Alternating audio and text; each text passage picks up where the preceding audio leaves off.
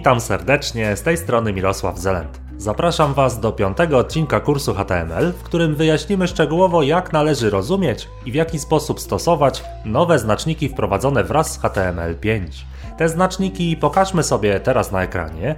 Po przepracowaniu tego odcinka nigdy już nie powinniśmy mieć problemu ze stosowaniem tych tagów, a powiedziałbym nawet, że ich używanie będzie sprawiać nam frajdę, bo też przyczyni się do tworzenia przez nas lepszych semantycznie stron internetowych.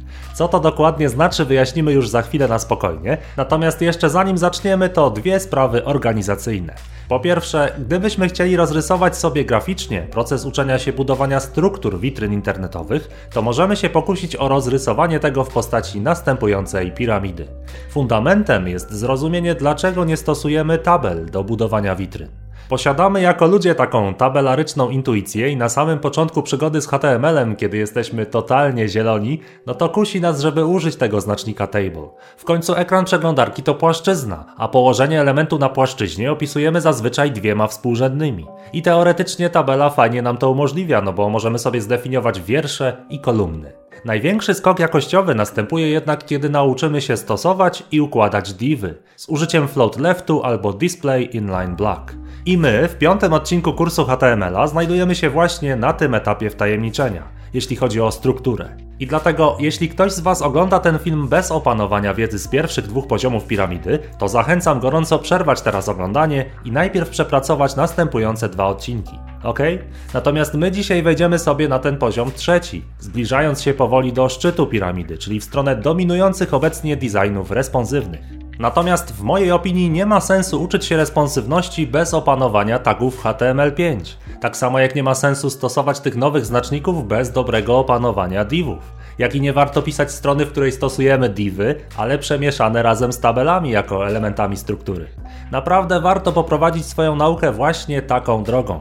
Ten model jest spójny, holistyczny, Jedno wynika z drugiego, a kolejne warstwy dokładano zgodnie z chronologicznym pojawianiem się tych rozwiązań. I przede wszystkim daje on bardzo fajne rezultaty. Wnikliwe, intuicyjne i głębokie zrozumienie, jak planować i realizować struktury witryn. I druga sprawa organizacyjna. Ten dzisiejszy odcinek składać się będzie z dwóch części, z dwóch rozdziałów. Najpierw zrobimy sobie odpowiednio zilustrowany wykład, żeby wyjaśnić cierpliwie całą teorię na temat nowych znaczników, a potem w części drugiej zastosujemy całą tę zdobytą wiedzę do wykonania od podstaw szablonu bloga. Tym razem będzie to witryna poświęcona filozofii. Wykonamy widok strony głównej bloga, jak i widok pojedynczego wpisu, przy czym za każdym razem będę cierpliwie i dokładnie wyjaśniał, dlaczego zdecydowałem się właśnie na taki, a nie inny nowy znacznik. Dlaczego akurat w tym miejscu, co on zmienił w różnych kontekstach spoglądania na witrynę i jaki ta decyzja miała wpływ na cały szablon. Także nauczymy się naprawdę sporo. Gorąco zachęcam rzeczywiście przepracować ten materiał i to w takiej właśnie kolejności absolutnie nie pomijając części pierwszej, tej teoretycznej. Warto też zdawać sobie sprawę, że moje filmy są długie i zawierają skondensowane dawki wiedzy. Nikt nie powiedział, że musisz cały taki film przyswoić sobie w jednym posiedzeniu przy komputerze. Możesz sobie spokojnie zatrzymać film, na przykład po części pierwszej, po czym pobrać sobie wersję MP3 tego tutoriala z SoundClouda, link znajduje się w opisie filmu, i odsłuchać sobie teorię ponownie w słuchawkach przy okazji w drodze do szkoły czy pracy, a dopiero na następny dzień przejść do części praktycznej. W opisie filmu umieściłem także timestamps, czyli te momenty czasowe, które pozwolą Ci szybko odnaleźć poszukiwany fragment w filmie. Także pracuj spokojnie, w swoim tempie, powtarzając w razie potrzeby trudniejsze zagadnienia, rób notatki. Nie goń się, nie bądź neurotyczny w tej nauce, tylko wypracuj sobie dobrą kulturę pracy i pozytywny klimat. Cierpliwie szlifuj swoje umiejętności. Okej, no to wszystko mamy już gotowe, pora wziąć się do roboty. Skupmy się i do dzieła. Moi drodzy, pierwsza sprawa. Te nowe znaczniki, które widzimy teraz na ekranie, to są tak zwane znaczniki semantyczne. Semantyka to jest, najprościej mówiąc, nauka badająca znaczenie, oznaczenie czy przeznaczenie czegoś. Te znaczniki są semantyczne, bo służą nam do określenia, jakie jest przeznaczenie tego, co znajduje się w środku tych tagów. I teraz, żeby dobrze to zrozumieć, ja zawsze mówię, jest jedna prosta zasada. Kiedy tworzysz jakąś stronę internetową, to zawsze wyobrażaj sobie, że tworzysz ją nie tylko dla ludzi, ale także dla botów, czy jak niektórzy mówią, robotów. No czyli programów komputerowych. Jakie to są programy? No na przykład robot Google'a, który indeksuje sieć, Ten web crawler krążący po internecie, który pomaga pozycjonować Twoją witrynę w Google. Albo inny przykład. Program, który jest czytnikiem dla osób niedowidzących. Czyta dla nich na głos strony internetowe. No i teraz najważniejsza, kluczowa sprawa. Jeśli to zrozumiesz, to będzie Ci naprawdę łatwo korzystać z tych nowych znaczników. Uwaga, te znaczniki semantyczne, czyli te, które nadają znaczenie poszczególnym fragmentom kodu, one przydają się najbardziej właśnie botom, programom komputerowym, które analizują stronę. No zobacz, prosty przykład. Jeżeli jakieś znaczniki, powiedzmy na przykład diva i listę nienumerowaną, umieścimy w kodzie wewnątrz tagów nav, nav to jest jeden z tych nowych znaczników, to tym samym mówimy jako programiści do tego robota, to co jest w środku nawa jest przeznaczone do nawigacji. Traktuj ten fragment jako ważny zbiór linków z tej konkretnej podstrony. Ok? Czyli nadajemy tym wszystkim znacznikom w środku jasne przeznaczenie, tak żeby robot wiedział, co to jest ten fragment, do czego on w założeniu twórcy ma na stronie służyć. Człowiek, kiedy patrzy sobie na przykład na taką stronę, no to nie ma z tym problemu. Spojrzy i od razu podświadomie wie, że no, tu jest nawigacja, tutaj jest tytuł tego wpisu, czyli prawdopodobnie tutaj zacznę czytać, tutaj mam właściwy wpis jego treść, informacje z prawej strony to dodatkowe info, co jeszcze znajduje się na blogu, plus jakaś tam reklama, a na dole jest jeszcze sekcja komentarzy i stopka z social linkami i informacją o prawach autorskich. Człowiek nie ma z tym problemu, ale robot Przecież layouty stron internetowych są w zasadzie dowolne. Nawigacja może być nie tylko u góry, ale może być też z lewej strony, może być z prawej albo na środku, w samym wpisie, albo jeszcze gdzieś indziej. Robot może tylko zgadywać albo na podstawie pewnych heurystyk domyślać się, co może być nawigacją, co właściwym artykułem, a co stopką. I teraz w HTML5 powiedzieliśmy dosyć to my jako programiści jesteśmy odpowiedzialni za to, żeby dokładnie powiedzieć robotowi, co jest czym, gdzie znajdują się poszczególne, semantycznie różne, czyli mające różne przeznaczenie, elementy witryny. Robot indeksujący powinien wiedzieć, że ta podstrona jest przede wszystkim na temat filozofii Antonego de Mello i tak ją wypozycjonować. On nie ma pozycjonować na przykład na frazę występującą w stopce. Wszelkie prawa zastrzeżone. No to nie jest strona o prawach autorskich, tylko o filozofii. I tak samo robot czytający witryny osobom niedowidzącym powinien wiedzieć, że zacząć czytać ten artykuł no wypadałoby tutaj. Warto jest więc pominąć nawigację u góry i zacząć czytać człowiekowi właściwy content bloga. To mięsko, to co go interesuje. Niech to nie wygląda tak, że wchodząc na taką stronę, za każdym jednym razem ten durny robot najpierw odczyta mi wszystkie opcje menu, zanim przejdzie do interesującego mnie konkretnego artykułu. Za pierwszym, drugim, trzecim razem jakoś to wytrzymam, ale za dwudziestym to mnie to do szewskiej pasji doprowadzi. Poza tym robot czytający powinien wiedzieć, że ma przeczytać cały ten artykuł po lewej, a nie że przerwie mi lekturę wpisu czytaniem zawartości tego aside'a, tego sidebara po prawej, kiedy jeszcze nie skończyłem czytać. Nie chcę przerywać sobie lektury jakimiś archiwami, gdzie będzie mi czytał styczeń, luty, marzec, no bo chyba zwariuje. Artykuł, przeczytaj mi artykuł. O to właśnie chodzi, moi drodzy. Nowe znaczniki HTML5, te znaczniki semantyczne, tworzą nową warstwę strukturalną, którą my jako programiści webowi musimy się dodatkowo zajmować. Musimy podpowiedzieć robotom, jak poprawnie interpretować zawartość witryny, jakie jest przeznaczenie poszczególnych elementów. Taki jest cel. Ktoś powie, no to pięknie, kolejny obowiązek na moje barki. Jakbym nie miał ich do tej pory mało. Nie dość, że muszę wszystko to poukładać jakoś sensownie na stronie z użyciem divów, to teraz niby jeszcze muszę się zatroszczyć o to, jak robot będzie widział czy interpretował tę strukturę i od tego są te nowe znaczniki. No, dokładnie tak, pretty much. O to właśnie chodzi. Ale nie traktowałbym tego jako jakiś przykry obowiązek. To raczej kolejny krok naprzód, kolejna gałąź naszego rzemiosła, w której można się rozwinąć. Możesz mieć już od dzisiaj większy wpływ swoim skillem na to, że strona będzie lepiej pozycjonowana. Kłania się ten kontekst SEO i to jest fajne. Poza tym w tej chwili czytniki e-booków sprawują się znakomicie, ale już czytniki stron internetowych no niekoniecznie. Nadejście znaczników semantycznych może tę sytuację znacząco poprawić. I to na dłuższą metę cieszy. Dzięki standardom tworzymy lepszą przyszłość, lepszy internet. Cokolwiek w życiu robisz zawodowo, budujesz meble z drewna, projektujesz samochody czy instalujesz granitowe blaty w kuchni, każdy produktywny fachowiec chce zawsze rozwijać swoje rzemiosło. Tworzyć rzeczy nie tylko piękne, ale jak najbardziej użyteczne. Jest głodny nowości. Nie traktuj zatem tych nowych znaczników jako kolejny przykry obowiązek, tylko podejdź do tego pozytywnie. To kolejna okazja do stania się lepszym w tym, co się robi, lepszym niż się było wczoraj. Okazja do tworzenia bardziej użytecznych witryn w Twoim wykonaniu, bo lepszych semantycznie. Tak, żeby taki robot jak spojrzy w nasz kod, to od razu powiedział: mm, Okej, okay, okej, okay, widzę jak to podzieliłeś, wiem o co ci tutaj chodziło, wiem co jest czym.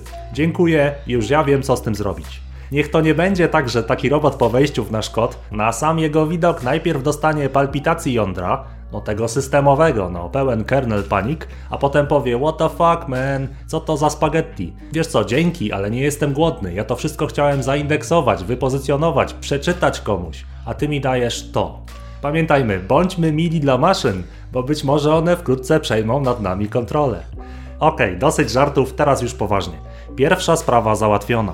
Wiemy już po co nam są te nowe znaczniki i dlaczego je wprowadzono. To już bardzo dużo, bo to ładnie ustawia myślenie na ten temat i pomaga nam to wszystko powoli ogarniać. Myślę, że wkręciliśmy się już w to i cała ta semantyka nie jest już obca naszemu sercu. Teraz tylko trzeba sprawić, żeby nie była także obca naszemu umysłowi.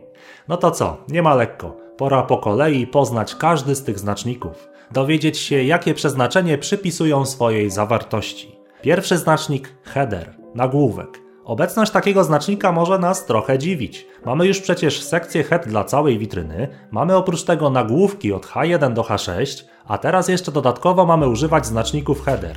No, dużo tego, ale to tylko pokazuje, jak głęboko zakorzeniona jest w tradycji programowania idea nagłówka poprzedzającego właściwą zawartość. Header zawiera najczęściej treści wstępne, takie krótkie intro, co znajduje się poniżej. Często będzie to na przykład tytuł wpisu blogowego czy akapit tekstu wprowadzający do całego artykułu.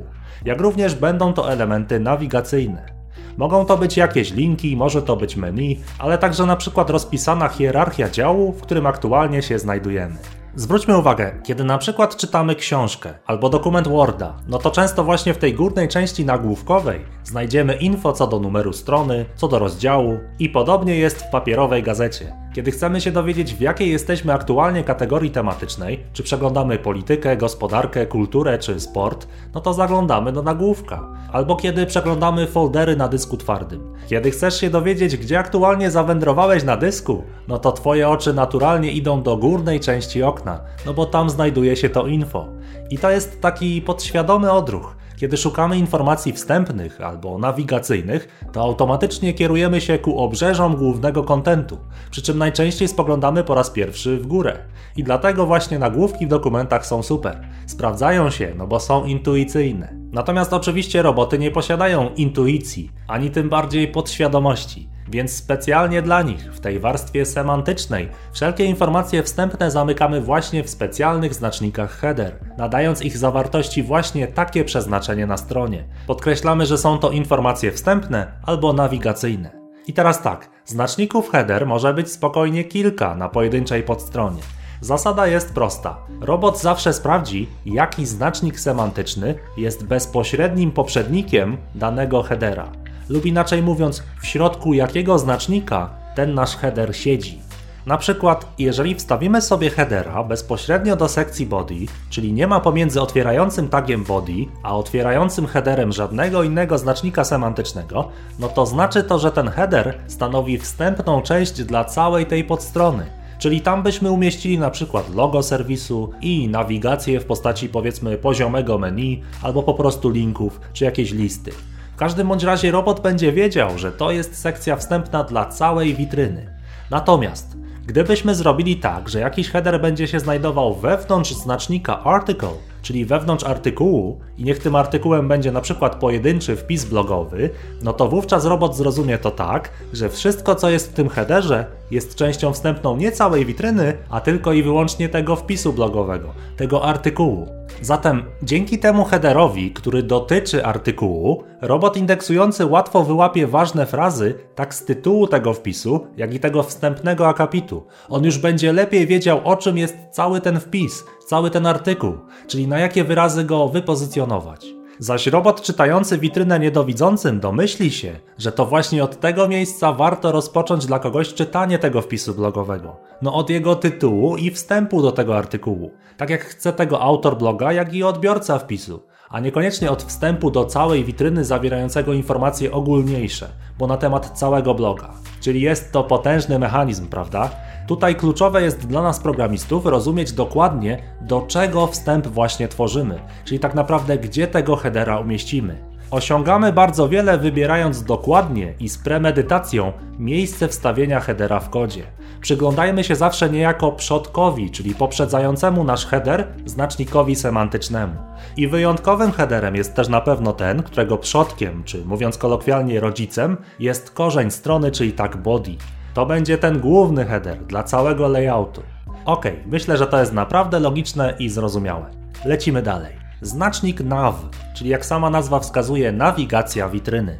I tutaj ktoś powie, no ale jak to? Przecież przed chwilą mówiliśmy o tym, że elementy nawigacyjne będą często znajdowały się w headerach, w nagłówkach.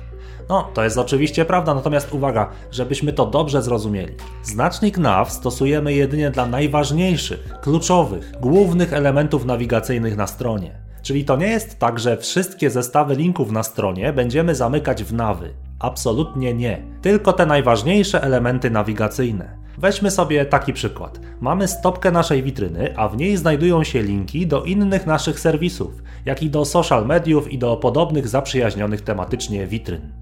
Takich linków nigdy nie będziemy zamykać w nawie, no bo to nie są te kluczowe odnośniki, prawda? Natomiast co innego poziomy pasek menu na górze strony, ten główny z sekcjami bloga, albo jakiś sidebar z lewej czy z prawej strony z równie ważnymi linkami. Także w przypadku stosowania nawa najważniejsze jest zapytać siebie, czy te linki, które zamierzam teraz zamknąć w nawie, na pewno są kluczowe dla tworzonej przeze mnie witryny. Czy użytkownik końcowy, internauta, który powiedziałby do robota przeczytaj mi nawigację, chciałby usłyszeć właśnie te opcje, które teraz masz zamiar zamknąć w nawie. Czy może jednak niekoniecznie. I na koniec jeszcze dwa często zadawane przy nawie pytania. Po pierwsze, często na stronach internetowych wewnątrz tagów nav spotyka się listy numerowaną OL bądź nienumerowaną UL. Czy zatem jest koniecznie potrzebne, żeby tag nav zawierał w sobie listę? Nie, absolutnie nie jest to konieczne. Owszem, często ludzie stosują listy i to tak wystylizowane, żeby wyglądały jak na przykład poziome, rozwijane menu, ale to jeszcze nie znaczy, że istnieje jakieś magiczne, nierozerwalne połączenie pomiędzy listą a nawem. Nie, w środku nawa mogą spokojnie znaleźć się zwykłe linki, a nawet paragrafy z tekstem. Listy często się spotyka, no bo wiecie, w przypadku nawigacji nie jest naszym celem zaskoczyć użytkownika. Wręcz przeciwnie, chcemy wstrzelić się w jego podświadome oczekiwania. Brak nawigacji w miejscu, gdzie spodziewa się jej internauta, po prostu zirytuje go. Nikt nie lubi tracić czasu na szukaniu czegoś, co powinno być pod ręką. I stąd tak częsta obecność list UL czy OL wewnątrz nawów to taki niepisany kanon. Jesteśmy po prostu przyzwyczajeni do tych górnych pasków z opcjami z systemów operacyjnych czy programów komputerowych. I druga często pojawiająca się wątpliwość, czy znacznik nav zawsze musi znajdować się wewnątrz znacznika header. Nie, nie musi. Ponownie, bardzo często widuje się takie rozwiązanie w przypadku poziomego menu, że ten nav jest umieszczony wewnątrz headera, w którym to headerze znajduje się też logo, jakieś ważne informacje o całej witrynie, ale wcale tak być nie musi. Jeżeli na przykład umieścisz nawigację w lewej szpalcie witryny, poniżej loga i informacji wstępnych headera, no to możesz od razu wstawić tam nawa, jako autonomiczny znacznik. I tak samo nawy mogą być w niektórych przypadkach na przykład wewnątrz tagów article, no bo zamkniemy sobie sobie w nawie te linki poprzedni, następny wpis, tą wewnętrzną nawigację pomiędzy wpisami blogowymi. Albo jeszcze inaczej, nav może znaleźć się także wewnątrz tagów section, czyli wewnątrz jednej z sekcji dużego artykułu. Odpowiedź jest prosta, to wszystko zależy od layoutu i od naszych intencji. Na pewno jednak nie istnieje sztywna reguła, że nav musi być w headerze. Nie, absolutnie nie jest to żadne wymaganie. nav jest w pełni autonomicznym tagiem, z pełną swobodą decydujesz, gdzie chcesz go umieścić, tak aby miało to jak najwięcej sensu w realizowanym przez ciebie właśnie szablonie. Podobnie nie ma wymagania, że na stronie musi się znajdować tylko i wyłącznie jeden nav. Zdarza się, że tak zrobimy na średniej wielkości stronie w imię prostoty, ale to nie jest tak, że istnieje jakiś zakaz i dostaniemy 10 punktów karnych i mandat 500 zł za drugiego nawa. To wszystko zależy od tego, jaki szablon tworzymy. Myślę, że to jest już zrozumiałe. Ok, idźmy dalej. Znacznik article, czyli po polsku artykuł. No, nie sposób nie użyć tutaj porównania do papierowej gazety, w której znajdują się właśnie artykuły. Natomiast tak jak znaczniki header i nav mają na wszystkich w zasadzie podstronach bardzo podobną zawartość, tak już content zawarty wewnątrz article może być skrajnie różny, zależny od tworzonej przez nas witryny. Definicja ze standardu mówi tak. Znacznik article to kompletna, dająca się zawrzeć w sobie, czyli autonomiczna część dokumentu, niezależna od innych jego części. Taka odrębna całość, którą można na stronie wyróżnić, która ma jakąś formę, często powtarzalną. Tyle definicje. Są bardzo ogólne, jak widzimy. W praktyce, jak mówię, wszystko zależy od realizowanej strony. Na przykład na blogu w znaczniku artycle umieścimy sobie pojedynczy wpis blogowy, no bo on stanowi ten pojedynczy artykuł, tę dającą się wyróżnić formę, która w dodatku jest powtarzalna, no bo tych wpisów na całym blogu będzie więcej. Jeżeli natomiast będziemy tworzyć na przykład forum dyskusyjne, no to w znaczniku article zamkniemy na przykład pojedynczy wątek dotyczący jakiegoś tematu. To też odrębna, autonomiczna forma i też powtarzalna w tym forum. Dokładnie tak jak artykuł w papierowej gazecie. Poszczególne artykuły traktują o odrębnych tematach, czyli mają dający się łatwo odróżnić content, no i tych artykułów w gazecie może być bardzo wiele, czyli jest to też pewna ustalona forma przekazu, na jaką się zdecydowaliśmy w danym serwisie. No tylko zwróćmy uwagę, znaczniki article, no jak to znaczniki, możemy zagnieżdżać, czyli umieszczać jednego artykułu wewnątrz drugiego artykułu. I tutaj już analogia do papierowej gazety nie sprawdza się. Natomiast w internecie często mamy do czynienia z taką sytuacją zagnieżdżania. Na przykład forum dyskusyjne. Artykułem jest cała dyskusja na jakiś temat, ten jeden wątek, ale równie dobrze artykułem jest także pojedynczy post blogowy. Ma przecież innego autora, przez co ten content prezentuje odmienną od innych postów perspektywę i styl, jest to również zamknięta, odrębna od innych postów forma, no i powtarzalna w całym wątku a każdy post może zawierać jeszcze komentarze wewnątrz tego posta, czyli znowu odrębne, powtarzalne części kontentu, czyli kolejne znaczniki article teoretycznie, w środku posta znajdującego się w środku wątku. Albo inny przykład. Wpis blogowy napisany przez twórcę na blogu to pojedynczy artykuł, ale pod wpisem znajdować się może także sekcja komentarzy, czyli odrębna, dająca się wyróżnić forma przekazu, co możemy zaakcentować kolejnym znacznikiem article ale znowuż wewnątrz całego obszaru przeznaczonego na komentarze, tego wewnętrznego artycle, znajdują się też pojedyncze komentarze, a każdy z nich to przecież odrębna od innych, ale i powtarzalna forma, czyli de facto każdy z nich to może być kolejny article, czyli kolejne zagnieżdżenie. Zatrzymajmy się na chwilę i pomyślmy o tym na spokojnie. Zobaczmy oczami wyobraźni, jak wiele hierarchii występuje na stronach internetowych. Strona główna bloga, pojedynczy wpis na blogu, sekcja komentarzy w tym wpisie i pojedynczy komentarz w tej sekcji. Strona główna YouTube, kanał twórcy, pojedynczy film na tym kanale, sekcja komentarzy pod filmem, pojedynczy komentarz. Przykłady można by mnożyć w nieskończoność, prawda, tej hierarchii. Natomiast uwaga, nie zawsze to będzie tak, że za każdym razem będziemy po prostu zagnieżdżać kolejne znaczniki article. Choć możemy to teoretycznie robić, to jednak nie zawsze tak postępujemy. Czasami użyjemy sobie zamiast znacznika article tagu o nazwie section, który teraz zresztą poznajmy. Section, czyli z angielskiego sekcja. W założeniach nie jest to całkowicie odrębna forma, a raczej dająca się wyróżnić ze względu na przeznaczenie część dokumentu. Sekcja dokumentu to tematycznie zgrupowany content. No to ci definicja. Teraz już na pewno mamy mętlik w głowie i pojawia się najbardziej naturalne pytanie, jakie zada sobie w tym momencie każdy myślący człowiek. No to mam użyć article czy section, bo te definicje są troszeczkę niejasne. Skąd mam wiedzieć, kiedy użyć którego znacznika? Co mówi standard? Jaka jest konkretna reguła, zasada, w sensie użyj article wtedy gdy i użyj section wtedy gdy. Uwaga, do końca nie ma takiej reguły, standard jej nie podaje. Jedyne co dostajemy w temacie article versus section to jest taka podpowiedź. Sekcja stanowi część pewnej całości, część czegoś innego. Natomiast artykuł to odrębna całość. Artykuł sam w sobie jest całością, w sensie jest autonomiczną formą. Sekcja jest tylko częścią czegoś.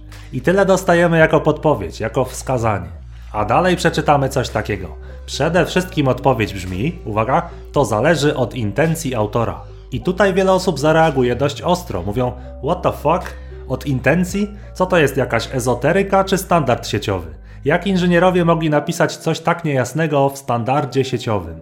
No, tak to już jest. Czasem my nie lubimy swobody i wolności, no bo trochę nas ona przeraża, zwłaszcza na początku. Prawda jest taka, że tworzenie stron internetowych, zwłaszcza jeśli chodzi o front-endowy design, to także forma sztuki. A w sztuce, nawet w branży IT, oprócz sztywnych standardów, mamy zawsze miejsce na pewną dozę kreatywności, frywolności, tej twórczej swobody. I teraz, żeby nie być gołosłownym, rozważmy prosty przykład. Komentarze pod wpisem blogowym. Webmaster pierwszy, nazwijmy go Walter, uważa, że wpis blogowy jego autorstwa to na pewno oddzielna całość. I am the one who writes, Skyler często powtarza. Podobnie sekcja wszystkich komentarzy to dla niego oddzielna całość, no bo uważa, że ludzie za często wtopują i to wcale nie jest tak, że wpis i komentarze na jego blogu są koniecznie powiązane tematycznie. Użył więc artykułu tak dla całego wpisu, jak i dla komentarzy, tak aby wpis i komentarze były traktowane jako osobne, oddzielne formy. Taka jest jego intencja. Zaś pojedyncze komentarze w tym drugim artykuł traktuje jako wewnętrzne, ale autonomiczne formy i dlatego w tym drugim artykuł użył zagnieżdżenia. Dla każdego posta jest jeden osobny artykuł. Sekcji, jak widać, nie użył wcale. Webmaster drugi, nazwijmy go Jesse, Cały wpis blogowy wrzucił do tagów article, ale powiedział sobie nie od parady mówi się przecież często sekcja komentarzy. Science, bitch, pomyślał Jesse, po czym swój wpis umieścił w pierwszej sekcji artykułu, a komentarze w drugiej sekcji. Pojedynczym komentarzom w ogóle nie nadał semantycznej tożsamości, a po prostu umieścił je w divach. Tę drugą sekcję uważa on za zgrupowanie komentarzy w miarę jednorodnych tematycznie, no i będących częścią czegoś większego, no bo tego całego artykułu, i nie jest jego intencją, aby każdy jeden komentarz traktować jako osobny artykuł. Dla niego byłby to taki overkill, przesada. Dla zachowania prostoty woli on, aby na podstronie znajdował się tylko jeden artykuł, a wszystkie komentarze były traktowane jako zgrupowanie opinii, oddzielnych jednak od sekcji pierwszej, w której znajduje się wpis. Natomiast tak wpis, jak i komentarze w jego opinii stanowią dwie sekcje jednej całości, no całości mającej swój jeden temat, ten temat, o którym jest wpis. Webmaster trzeci, nazwijmy go Gustavo. Swój wpis blogowy umieścił bezpośrednio w głównym artykuł, zaś dla komentarzy przygotował specjalną wewnętrzną sekcję, w której to sekcji każdy komentarz jest osobnym artykułem.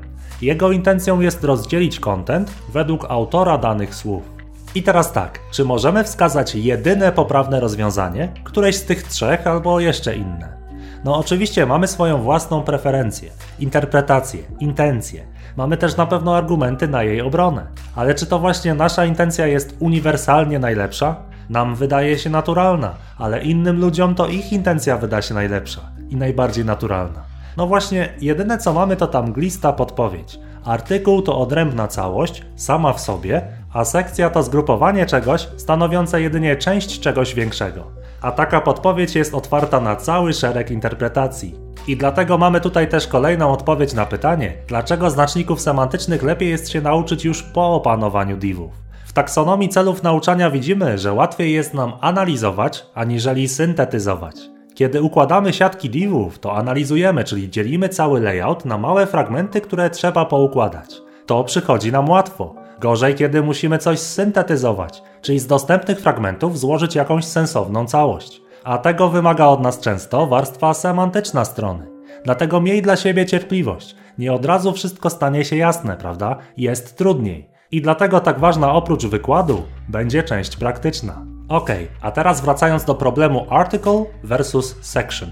Słuchajcie, w obliczu całej tej debaty i że tak powiem mnogości interpretacji, różnorodności intencji, nie wolno nam zapomnieć o celu, dla którego w ogóle wstawiamy znaczniki semantyczne. Chodzi o to, że mamy nadać kontentowi znaczenie, przeznaczenie, które zostanie poprawnie odczytane przez roboty.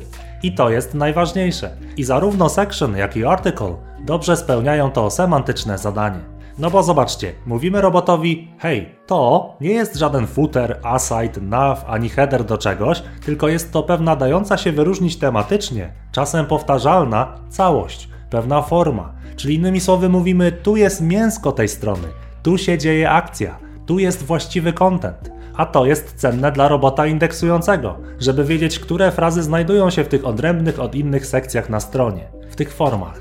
I podobnie dla robota czytającego content. Roboty dzięki nam wiedzą już, gdzie zaczynają się, a gdzie kończą poszczególne formy, poszczególne odrębności. Zamiast zlepka tekstu, robot widzi na przykład temat na forum jako rzeczywiście zbiór odrębnych postów. Widzi wpis blogowy jako oddzielony od siebie jedną długą wypowiedź autora oraz kilkadziesiąt krótkich wypowiedzi pod spodem w ramach komentarzy. Na tej podstawie roboty mogą lepiej pozycjonować i lepiej odczytywać content. I o to nam właśnie chodzi w semantycznej warstwie kodu. Ok, idźmy dalej, do kolejnych znaczników. Znacznik main. No main, czyli z angielskiego główny. Pamiętamy jeszcze C++, funkcja główna? Cała idea tego znacznika jest przekazana właśnie w tym słowie, ale po kolei. W świetle tego, co powiedzieliśmy o znacznikach article, no zauważmy, tych artykułów i sekcji może być mnóstwo na stronie. W dodatku artykuły często też bywają zagnieżdżane, a w swoim wnętrzu mogą posiadać kolejne sekcje. Jakby na to nie patrzeć, wskutek tego wszystkiego gdzieś ulotniła się, zatarła czy rozmazała ta główna, najważniejsza, kluczowa zawartość witryny. I tę sytuację ma naprawić właśnie znacznik main. Wprowadzono go później do standardu HTML5 od wersji 5.1, ale został szybko zaakceptowany przez webmasterów, jako że faktycznie rozwiązuje ten wspomniany przez nas problem rozmazania się głównej zawartości witryny. Tylko uwaga, ten znacznik main to nie jest tak zwany sectioning content, czyli nie znajduje się w standardzie w tej samej grupie tagów co article, section, nav, header itd., tak tylko jest to element decydujący o tak zwanym flow witryny. I teraz co to oznacza w praktyce? Bardzo proste zasady i tym razem bardzo konkretne. Uwaga, po pierwsze znacznik main musi być umieszczony w sekcji body. Czyli nie wstawimy sobie maina wewnątrz przykład article, section, wewnątrz nava czy headera. Odwrotnie, to main jest najbardziej zewnętrzny, a dopiero w środku maina możemy wstawić znacznik semantyczny, ten sectioning content. Ok? I druga sprawa. W kodzie strony znacznik main może się znaleźć tylko i wyłącznie jeden raz. W sensie jest otwierający i zamykający main. To liczymy jako jeden. Tak samo jak możemy mieć tylko jedną sekcję head i jedną sekcję body w witrynie, to tak samo możemy mieć tylko jednego maina. I to tyle. Dwie proste, klarowne zasady. I teraz, ponieważ znacznik main to nie jest tylko znacznik semantyczny, to jak powiemy, że wskaże on robotom najważniejsze miejsce na stronie, to główne miejsce, pomagając lepiej robotom przeczytać czy zaindeksować tę witrynę, no to owszem, będziemy mieli rację, ale nie oddamy tym samym całej sprawiedliwości znacznikowi main, bo on robi dużo większą robotę. Jako przykład niech posłuży chociażby nawigowanie elementami strony, ale z użyciem klawiatury, a nie myszki. Zamknięcie czegoś w mainie ma docelowo umożliwić w przeglądarce łatwiejsze dostanie się do tegoż kontentu, do jego kolejnych elementów składowych, z pominięciem bloków ościennych, które są nawigacją, asidem czy stopką. Także owszem, main pomaga robotom, ale nie jest to jedyne zadanie tego znacznika. Także nie nazywajmy go znacznikiem semantycznym, no bo spełnia on także inne ważne zadania związane z flow witryny. Podsumowując, znacznik main to jest must have. Używaj go już zawsze od dzisiaj, wszędzie tam gdzie używasz nagłówka HTML5. Pamiętaj jednak o tych dwóch wspomnianych zasadach. Umieszczamy go bezpośrednio w sekcji body, a nie w jakimś znaczniku semantycznym oraz tylko jeden main jest dozwolony w kodzie. Awesome. Lecimy dalej. Znacznik aside. No, język angielski znamy. Kiedy powiemy put this aside, no to znaczy to odłóż to na bok czyli aside to będzie ta zawartość strony internetowej, która jest tylko marginalnie powiązana z głównym kontentem witryny, który to główny kontent znajduje się gdzieś w pobliżu tego aside'a. Jaki to będzie marginalny content w tym asajdzie? No moi drodzy, głównie w praktyce reklamy. No bo też nie są one związane stricte z głównym contentem, ale ich istnienie jest konieczne, aby wiele witryn mogło w sieci w ogóle istnieć. Oprócz tego w Asajdzie może znaleźć się na przykład archiwum wpisów blogowych, polecane dodatkowe źródła związane z artykułem, jakiś podział na kategorie czy odcinki danej serii, cytaty, jakiś widget social mediowy, Twitter feed, no słowem wszystko co w danym layoutie traktujemy jako poboczną zawartość. Dla robotów jest to cenna wiedza. Muszą one wiedzieć, gdzie jest ten main content, ta newralgiczna zawartość, ale jednocześnie idąc tą logiką, no to muszą także wiedzieć, gdzie są te informacje poboczne, mniej istotne w indeksowaniu czy odczytywaniu witryny. I do tego właśnie służy Aside. I tutaj sprawa jest całkowicie klarowna, także nie tracimy czasu, idziemy dalej. Ostatni dziś omawiany znacznik footer, czyli stopka. Oczywiście każdy z nas podświadomie wie, do czego stopki służą.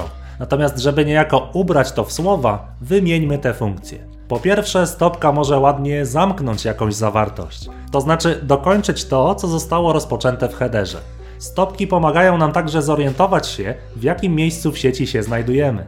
Jeżeli jesteśmy na przykład na blogu, no to oczekujemy jakiegoś info co do jego autora, jakiegoś może kontaktu do niego, oczekujemy informacji co do namiarów na social media tej osoby, jakiś Twitter, Facebook, YouTube, spodziewamy się też polecanych linków, informacji o innych projektach autora, no słowem informacji końcowych, jak w napisach po zakończeniu filmu. Tylko ważna sprawa. Nam często podświadomie ten footer kojarzy się właśnie z tą końcową stopką całej podstrony.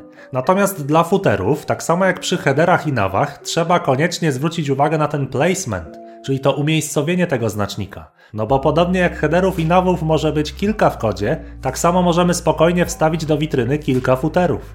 Najważniejszy footer dla całej witryny, no to rzecz jasna będzie ten, który znajdzie się na końcu sekcji body. To jest oczywiste. Jednak ponieważ tych stopek może być więcej, to tak samo jak przy headerach spoglądajmy zawsze na bezpośredniego, semantycznego poprzednika tego tagu. Mówiąc kolokwialnie na rodzica, na przodka, na ten znacznik, w którym ten nasz footer siedzi. I to jest ważna realizacja. Wiedzieć, że artykuły, sekcje, jak i inne dające się wyróżnić powtarzalne formy jak najbardziej mogą posiadać własne stopki. Na przykład sekcja komentarzy. Możemy ją spokojnie otworzyć headerem, w którym zachęcamy do wypowiedzi, po czym wypisać wszystkie już opublikowane komentarze. A na koniec, w stopce tej sekcji, podać ilość wszystkich komentarzy, zasady komentowania i dodatkowo zaprosić jeszcze do kontaktu mailowego. I podobnie artykuły mogą mieć swoje stopki, wątki na forum, bloki z cytatami. Jeżeli tylko istnieje potrzeba, żeby coś zamieścić jako zakończenie, tudzież podsumowanie, to użyjemy do tego celu footera. Możesz to robić wielokrotnie na jednej podstronie. Można zatem powiedzieć, że współczesne footery to są elementy semantycznie identyczne do headerów, no tylko że informacje w stopkach to są te, które chcemy podświadomie dostać na końcu lektury, a nie już na starcie, zanim zaczniemy czytać, tak jak w przypadku headera. Tyle. Ok, moi drodzy, powoli zbliżamy się do końca części pierwszej, do końca wykładu teoretycznego. Wiemy już dużo więcej na temat nowych znaczników semantycznych. Na pewno przyznacie też, że prezentuje się to w założeniach bardzo fajnie i ciekawie. Oczywiście to jest póki co tylko wiedza. Teraz potrzeba nam praktyki, możliwości zastosowania tego wszystkiego w akcji. Ale zanim do tej praktyki przejdziemy, to jeszcze jedna ważna uwaga na koniec. Trzeba nam wyjaśnić, jak te nowe znaczniki mają się do znanych nam już divów. Otóż, wielu ludzi, słysząc o nowych znacznikach w HTML5, mylnie zakłada, że te nowe tagi zastąpiły divy i że to wszystko, czego się wcześniej nauczyliśmy o float leftie czy display inline block, można teraz wyrzucić do kosza, że to już nie będzie przydatne. No nie, moi drodzy, wręcz przeciwnie.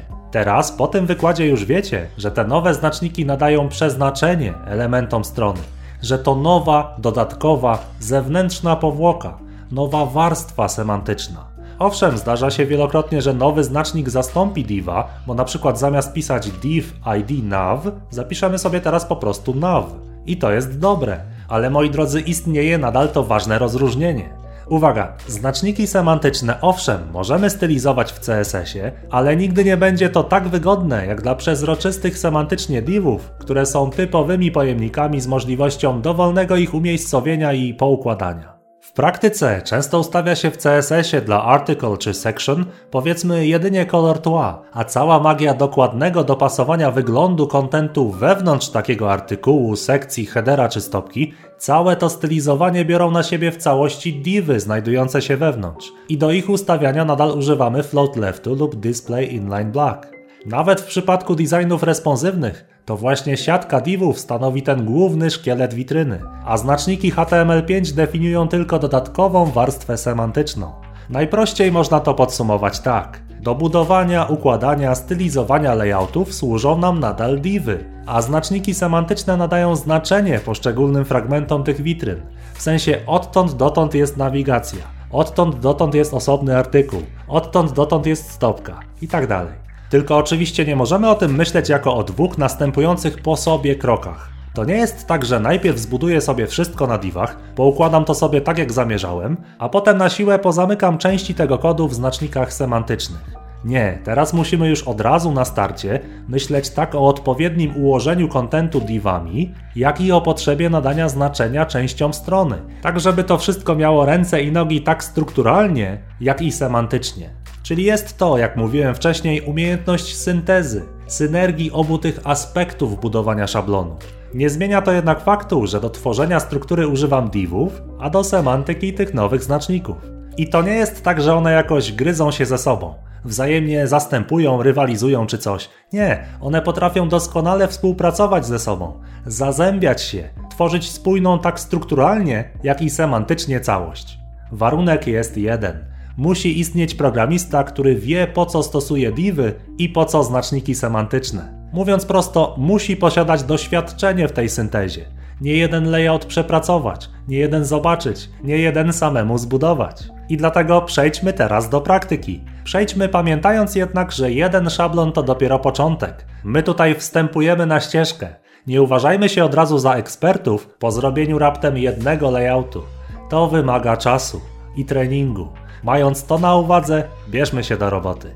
Uwaga, jeżeli słuchasz tego wykładu jako podcast na SoundCloudzie, no to właśnie się on zakończył. Część praktyczną siłą rzeczy trzeba już przepracować wraz z obrazem, z filmem, do czego zachęcam na YouTubie. A ten podcast dotyczący teorii w tym miejscu zostaje zakończony. Pozdrawiam serdecznie.